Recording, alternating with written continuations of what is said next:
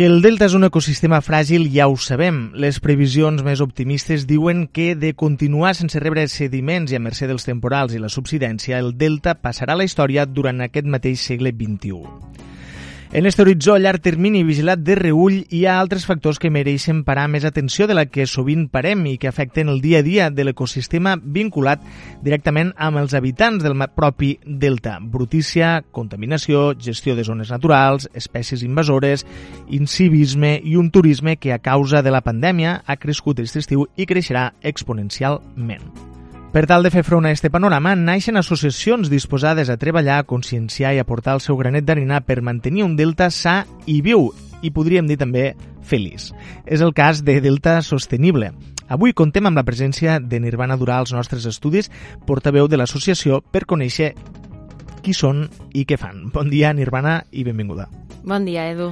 Avui eh, t'hem convidat eh, en qualitat de portaveu de l'associació per parlar-nos justament d'una associació que la majoria de moment només la coneixem a través de les xarxes socials, però volem saber exactament què és Delta Sostenible.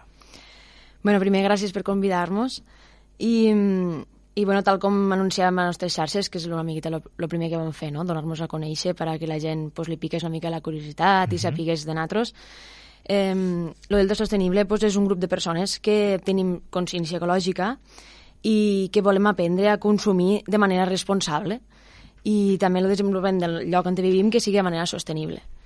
Eh, vivim enmig d'un parc natural, mm, hem de saber com conviure no? i com uh -huh. poder viure d'una manera que el tingui el menys impacte possible. Clar, perquè quan pensem en lo delta no podem perdre de vista que existeixen certs projectes, per exemple, urbanístics que impulse, impulsen o impulsarien o haguessin impulsat al llarg de la història un creixement desorbitat del delta eh, o que, també si el delta no hagués estat per natural segurament estaríem parlant d'un altre escenari totalment diferent eh, i és important saber on som i de quina manera mos convé créixer, no? m'imagino Sí, exactament. Com has dit abans, doncs, estem en un ecosistema bastant fràgil i hem d'intentar pues, mantenir aquesta harmonia no? entre el creixement eh, uh -huh. econòmic i social de, del nostre poble i dels pobles del Delta, però també conservant el que tenim, no? que és al final el que ens dona... Bueno, és que vivim més del turisme.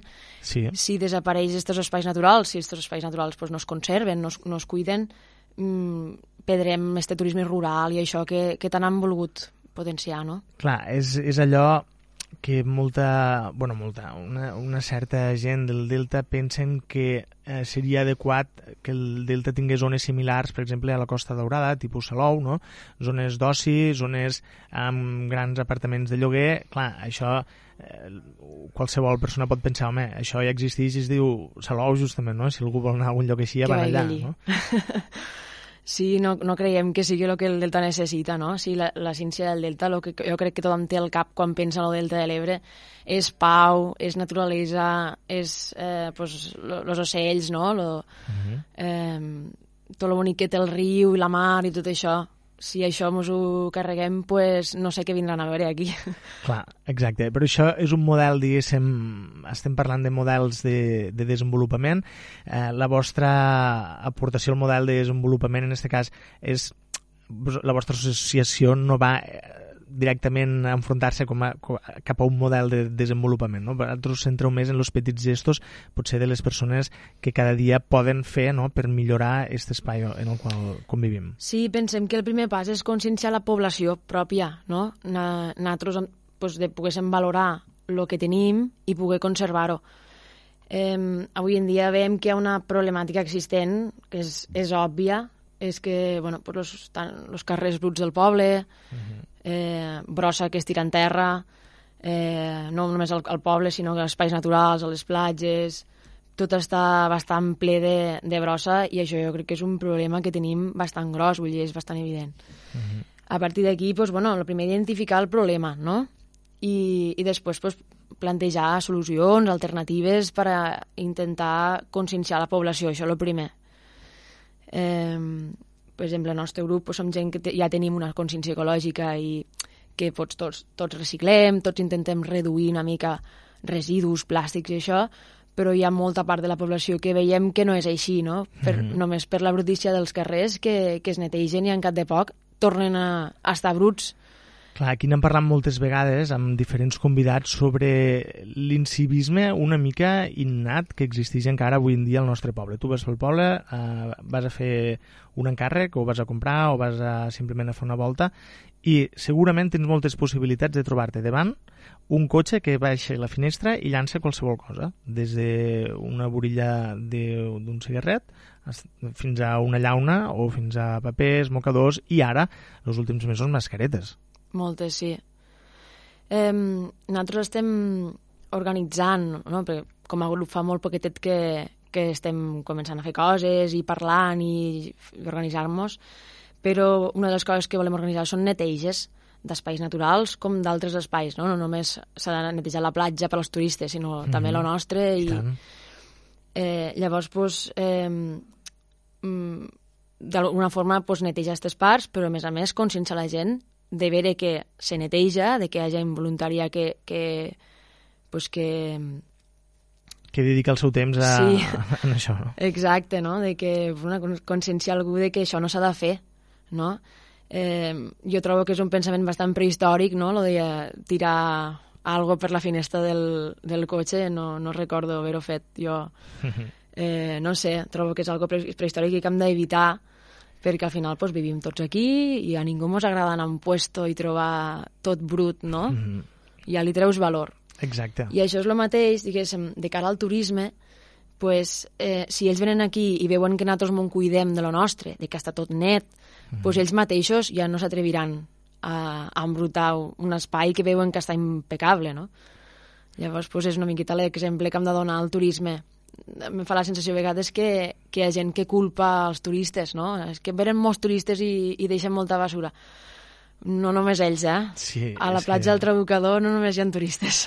De, de, fet, sí, de fet, sí que podem dir que majoritàriament potser aquest estiu hem tingut més turistes que nosaltres mateixos que hem anat a la platja, que també ho hem fet, però hem anat potser unes hores diferents i aquí jo vull pensar que la major part de, de nosaltres tenim ja la consciència, sobretot la gent de la nostra generació, potser cap a baix, eh, de si anem a la platja a portar una bossa de basura, eh, per posar qualsevol residu que puguem generar, no? o portar eh, la gent que fuma... Alguns porten aquells cenicerets o algun tipus de bosseta per guardar eh, les borilles allí, d'altres no, d'altres van directe a la platja, però sí que em fa la sensació que molta gent que ve de fora tenen la lliçó més ben apresa que nosaltres sobretot d'altres països, eh? Sí, això, això sembla, eh? d'alguna forma mm, hi ha esperança, no? Hi ha, com tu has dit, hi ha gent que, que sí que va a la platja i se sent responsable i, i bueno, que tots som responsables dels nostres residus, no? que és algo que nosaltres generem, però Exacte. tant som responsables de allí on ho deixem. No desapareix ficant-ho uh mhm. -huh. sota l'arena o, o en un contenedor, no desapareix, no? Llavors, però també ens trobem que, que al poble pues, inclús costa reciclar no? Uh mhm. -huh. Algo que fa tants d'anys que l'Ajuntament ja mos facilita i... De i fet, a... tenim una deixalleria que, que, que selecciona el tipus de residus no? i que fa més fàcil després el procés de reciclatge i recuperació fins i tot de certs materials. Sí. Ara, esta setmana, justament, l'Ajuntament va posar un vídeo dient bueno, pues que això que mantenim del Tebrenet, que és una cosa de tots, i hi havia algunes fotos de pues, fora els contenedors ferralla, uh -huh. basura vària, no?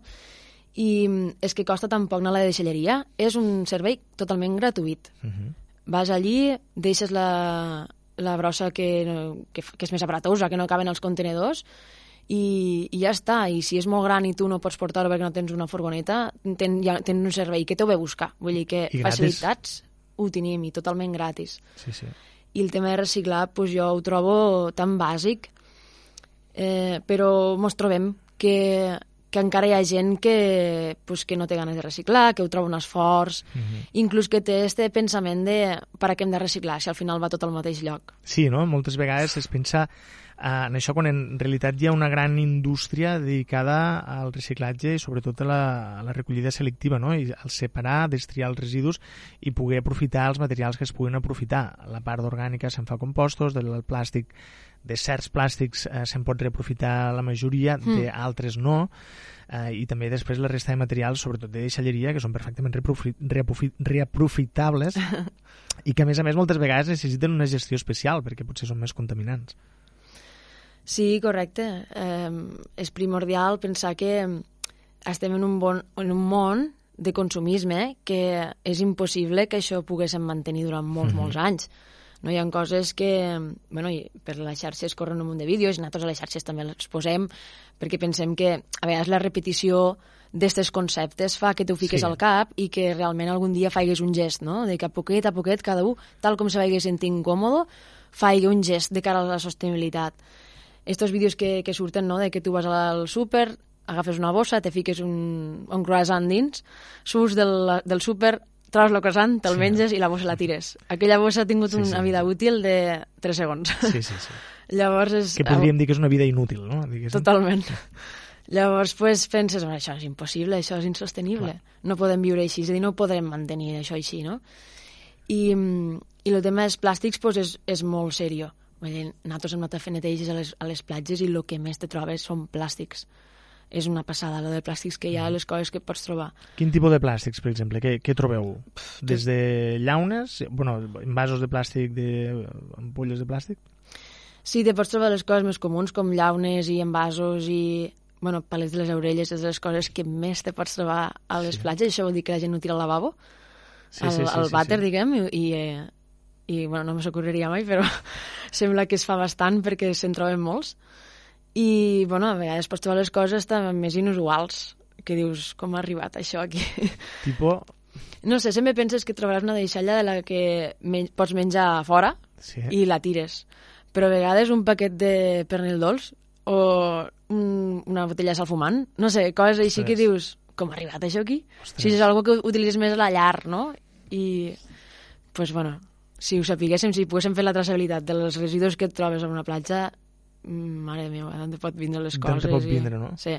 Uh, una, si fem una, un cop d'ull a les vostres xarxes socials, Nirvana, sobretot, per exemple, ara tinc obert l'Instagram, hi han diferents imatges de, que pretenen conscienciar la gent, que jo crec que és, una, és, és el vostre objectiu o un dels vostres objectius sí. principals, i hi ha, per exemple, un post on parleu de les tres R's de l'ecologia, uh -huh. és això de reduix, eh, recicla i reutilitza, no? o redueix, reutilitza i recicla, sí. eh, que, que se'n parla des de fa molts anys, mm. però que sembla que encara no ha fet, no ha fet forat este, no. este lema. Eh?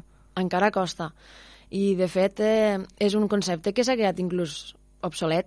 És a dir, ara ja no hi ha tres R, sinó que n'hi ha moltes més, mm -hmm. perquè diuen que la primera R és reflexionar. és a dir, a vegades, abans de consumir alguna penses, realment ho necessito? Mm -hmm. Necessito això i generar un residu. Los palets de les orelles. Realment necessitem palets per les orelles? A saps, a vegades dius, va, vaig a canviar els palets de les orelles per palets de bambú. Mm -hmm. Però després dius, en sèrio necessitem palets de les orelles?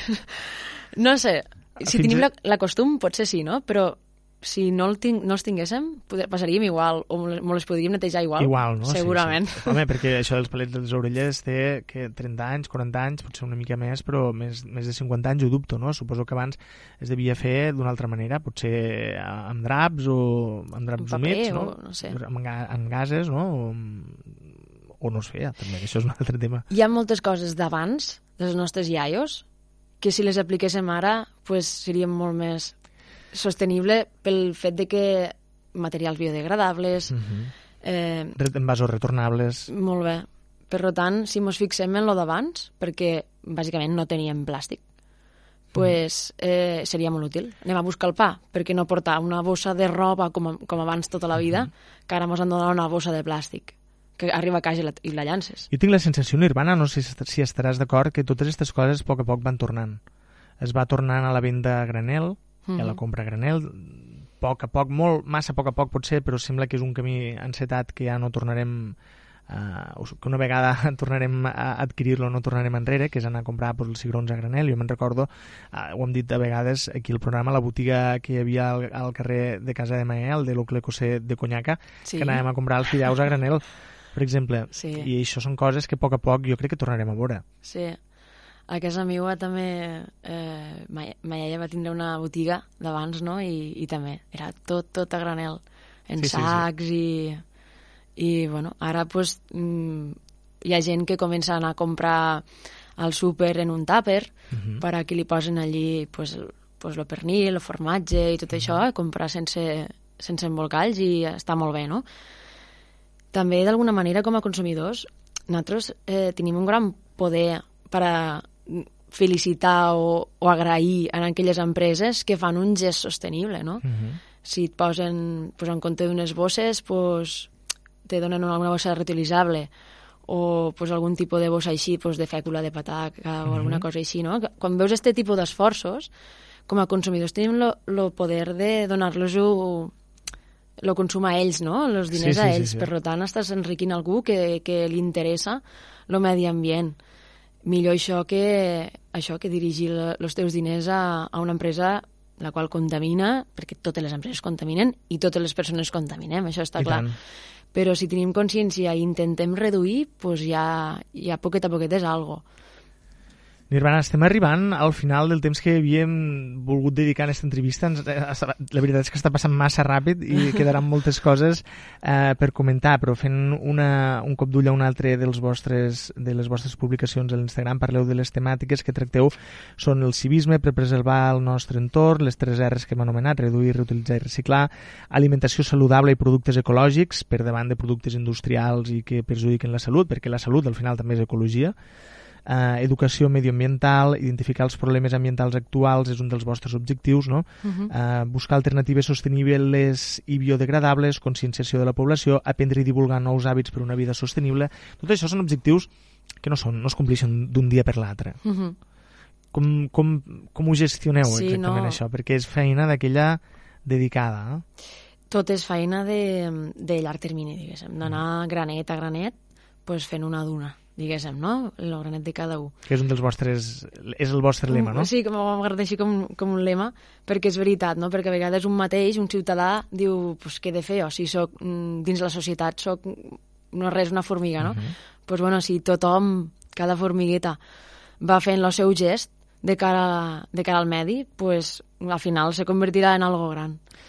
Llavors, això, l'únic que, l'últim que voldria comentar és que una cosa que nosaltres veiem també super, en compte és superimportant, és el tema de la conscienciació dels més joves. És una que volem treballar, perquè moltes vegades els més joves eh, arriben a casa i ho ensenyen a casa o ho exigeixen sí, sí, a casa, sí, sí. no? No, no, això de plàstic no m'ho puc emportar al pati perquè a, a, la, a classe només volem biodegradable -huh. o volem una, portar una bossa de roba o el que sigui. Uh -huh. Per tant, eh, volem impulsar el tema de les escoles verdes uh -huh. que menys que en un parc natural, les escoles d'aquí tinguin el segell d'escola verda. I tant. Llavors, eh, hi ha escoles d'aquí que ja, ho, ja estan en procés, que ja ho estan treballant, però nosaltres de, volem intentar, pues, eh, contribuir no, a que això s'avanci més ràpidament. Recolzar, sí, recolzar les escoles fent, fent, proposant activitats, plantades d'arbres, imagina't nosaltres quan érem xocotets que vam anar a plantar arbres i allò no t'ho oblides mai de la sí, vida. Sí, sí, sí i pues, a l'institut també pues, fer alguna, organitzar alguna neteja en ells quan vas a fer una neteja i te'n dones compte com està tot, sí, potser és quan interioritzes de uf, aquí passa alguna cosa i s'ha de fer. Nirvana, per acabar, queda un minut d'entrevista. Com podem assabentar-nos no només del que feu, sinó també formar part de l'associació? És possible formar sumar-nos a la vostra iniciativa? Sí, claro. Com claro, com, fer? com més gent serem millor. Eh, pues nosaltres tenim un grup de WhatsApp on parlem, quedem i això, i després una vegada al mes fem una, fem una quedada. Vale? Normalment eh, estem, anem al del Taic, aquí mm -hmm. al mig mhm. del poble. Eh, llavors, pues, si algú està interessat, eh, se pot posar en contacte per privat a, a qualsevol de les nostres xarxes socials, Facebook o Instagram, i nosaltres l'afegim al grup i allí pues, se n'entera de tot, de tot el que fem, de tot el que estem treballant i, i, i si vol vindre a les reunions. Fantàstic. Doncs Nirvana Durà, portaveu de l'associació Delta Sostenible, ens hem quedat en ganes de més. Eh, jo crec que la meva obligació és emplaçar-te per un altre dia per parlar-ne més amplament, perquè han quedat realment molts de temes per comentar. De tota manera, moltes gràcies, eh, molta sort i fins la pròxima. Vale, gràcies, merci.